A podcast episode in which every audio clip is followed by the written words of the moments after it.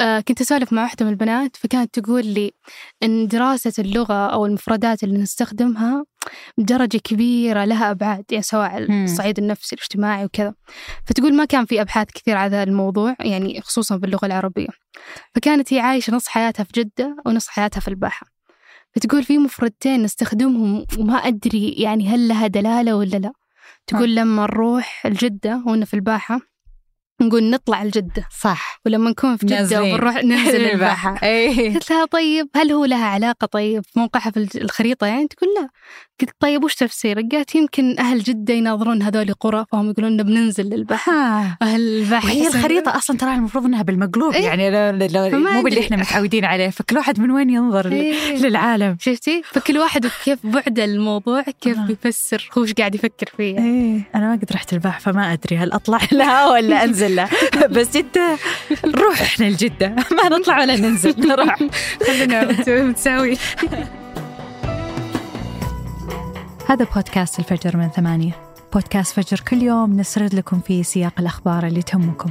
معكم أنا ديما العامر. وأنا رولا عبد الرحمن. قهوة الصباح وأجود محاصيل البن المختص تلاقيها في خطوة جمل. اعرف أقرب فرع لك من الرابط في وصف الحلقة.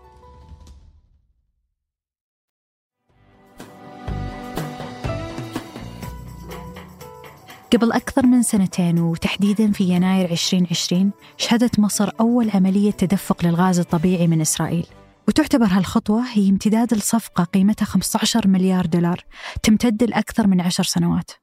وقال وزير البترول المصري وقتها أن الخطوة راح تساعد حكومة الاحتلال الإسرائيلي أنها تنقل كميات من الغاز الطبيعي لأوروبا من خلال مصانع الغاز الطبيعي المسال المصرية. وأن مصر راح تستفيد من هالخطوة لأنها راح تكون مركز إقليمي لصناعة الغاز المسال. وفي نفس الفترة أعلنت الأردن من أنها بدأت تستلم الغاز من أنابيب إسرائيلية. وهي خطوة شهدت الكثير من الانتقادات داخل الأردن وخصوصا في مجلس النواب. وفي هالأسبوع وقفت حكومة الاحتلال الإسرائيلي صادرات الغاز لمصر والأردن بدون أي تنسيق. وهو الشيء اللي دفع مصر أنها تزيد من مدة انقطاع الكهرباء لساعتين يوميا بدل ما كانت ساعة ونصف الأيام الماضية. قررت حكومة الاحتلال الإسرائيلي وقف تصدير الغاز لمصر بعد ما طلبت من شركة شفرون تعليق أنشطتها في حقل تمار لاستخراج الغاز بعد عملية طوفان الأقصى اللي أطلقتها فصائل المقاومة الفلسطينية في 7 أكتوبر. وخط الغاز اللي تصدره إسرائيل لمصر يمتد من عسقلان في جنوب الأراضي المحتلة إلى مدينة العريش في مصر. وهو الطريق البحري اللي يوصل الغاز الإسرائيلي إلى السوق المصرية ويمتد بالتوازي مع قطاع غزة. وتشير التوقعات أن إغلاق حقل تمار وتوقف واردات الغاز الإسرائيلي راح تأثر على قدرة مصر في تشغيل الطاقة.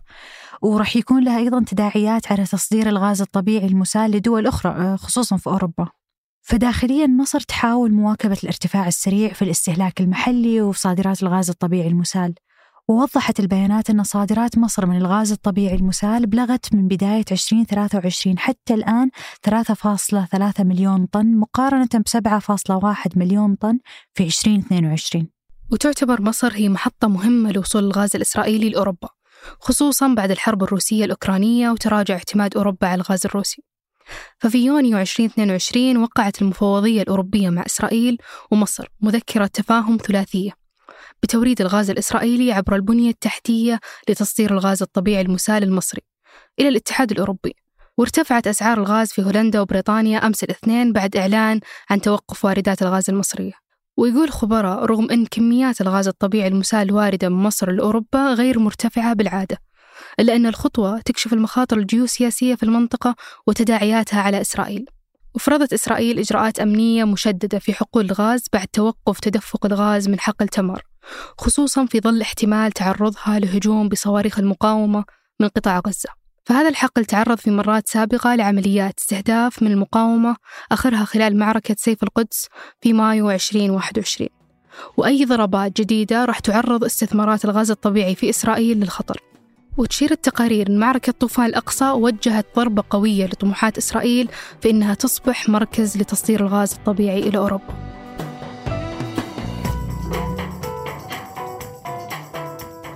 قبل ننهي الحلقة هذه أخبار على السريع.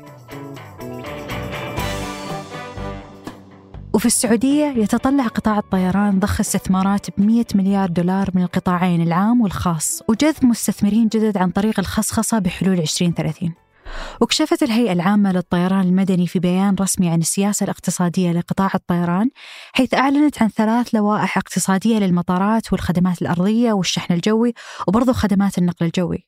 وتهدف السياسة الجديدة لرفع مستوى الأداء التشغيلي في مطارات المملكة وبرضو تحسين أداء الناقلات الجوية الوطنية. وذلك ضمن جهود الهيئة في تحويل المملكة إلى وجهة عالمية لخدمات النقل والشحن وتوفير بنية تحتية محفزة للمنافسة وجاذبة للاستثمار الأجنبي غير أنها تحقق النمو وتمكين الابتكار في قطاع الطيران. وتوفر السياسة الجديدة بيئة تنافسية تتيح فرص متكافئة للمشغلين الحاليين والمستثمرين في القطاع.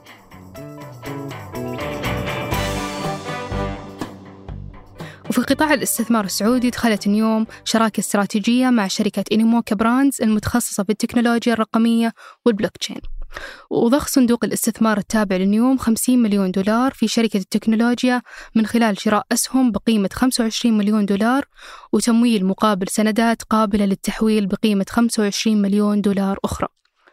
وتهدف هذه الشراكة إلى دعم البنية التحتية الرقمية لنيوم والتطوير الإقليمي لتكنولوجيا ويب 3 اللي تقوم على تقنية سلسلة الكتل واللي عززت ظهور فكرة الإدارة اللامركزية والاقتصاد القائم على الترميز. وراح تعمل Animoca Brands مع نيوم على بناء قدرات خدمة ويب 3 مع إمكانية الاستغلال التجاري العالمي لها واللي بيتم نشرها لدعم التقدم التكنولوجي في الرياض ومنطقة نيوم تحديداً.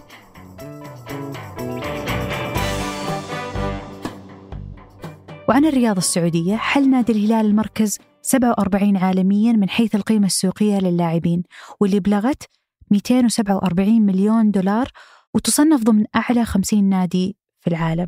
والهلال يعتبر الفريق الوحيد من خارج أوروبا في هالقائمة وما سبق في الترتيب إلا أندية بنفيكا وبورتو وسبورتنج لشبونة من البرتغال وفينورد روتردام الهولندي وغلطة سراي التركي. وجاب الصدارة من الأندية الأعلى في القيمة السوقية من حيث اللاعبين نادي مانشستر سيتي. حامل لقب الدوري الإنجليزي ودوري أبطال أوروبا. والمملوك للشيخ منصور بن زايد نائب رئيس دولة الإمارات العربية المتحدة. وظهر في المرتبة الحادية عشر في هالقائمة فريق نيوكاسل يونايتد الإنجليزي. المملوك لصندوق الاستثمارات العامة السعودي بقيمة سوقية تبلغ أكثر من 650 مليون يورو.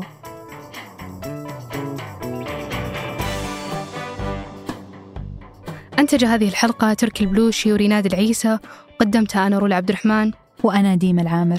وحررها جميل عبد الأحد. نشوفكم بكرة الفجر.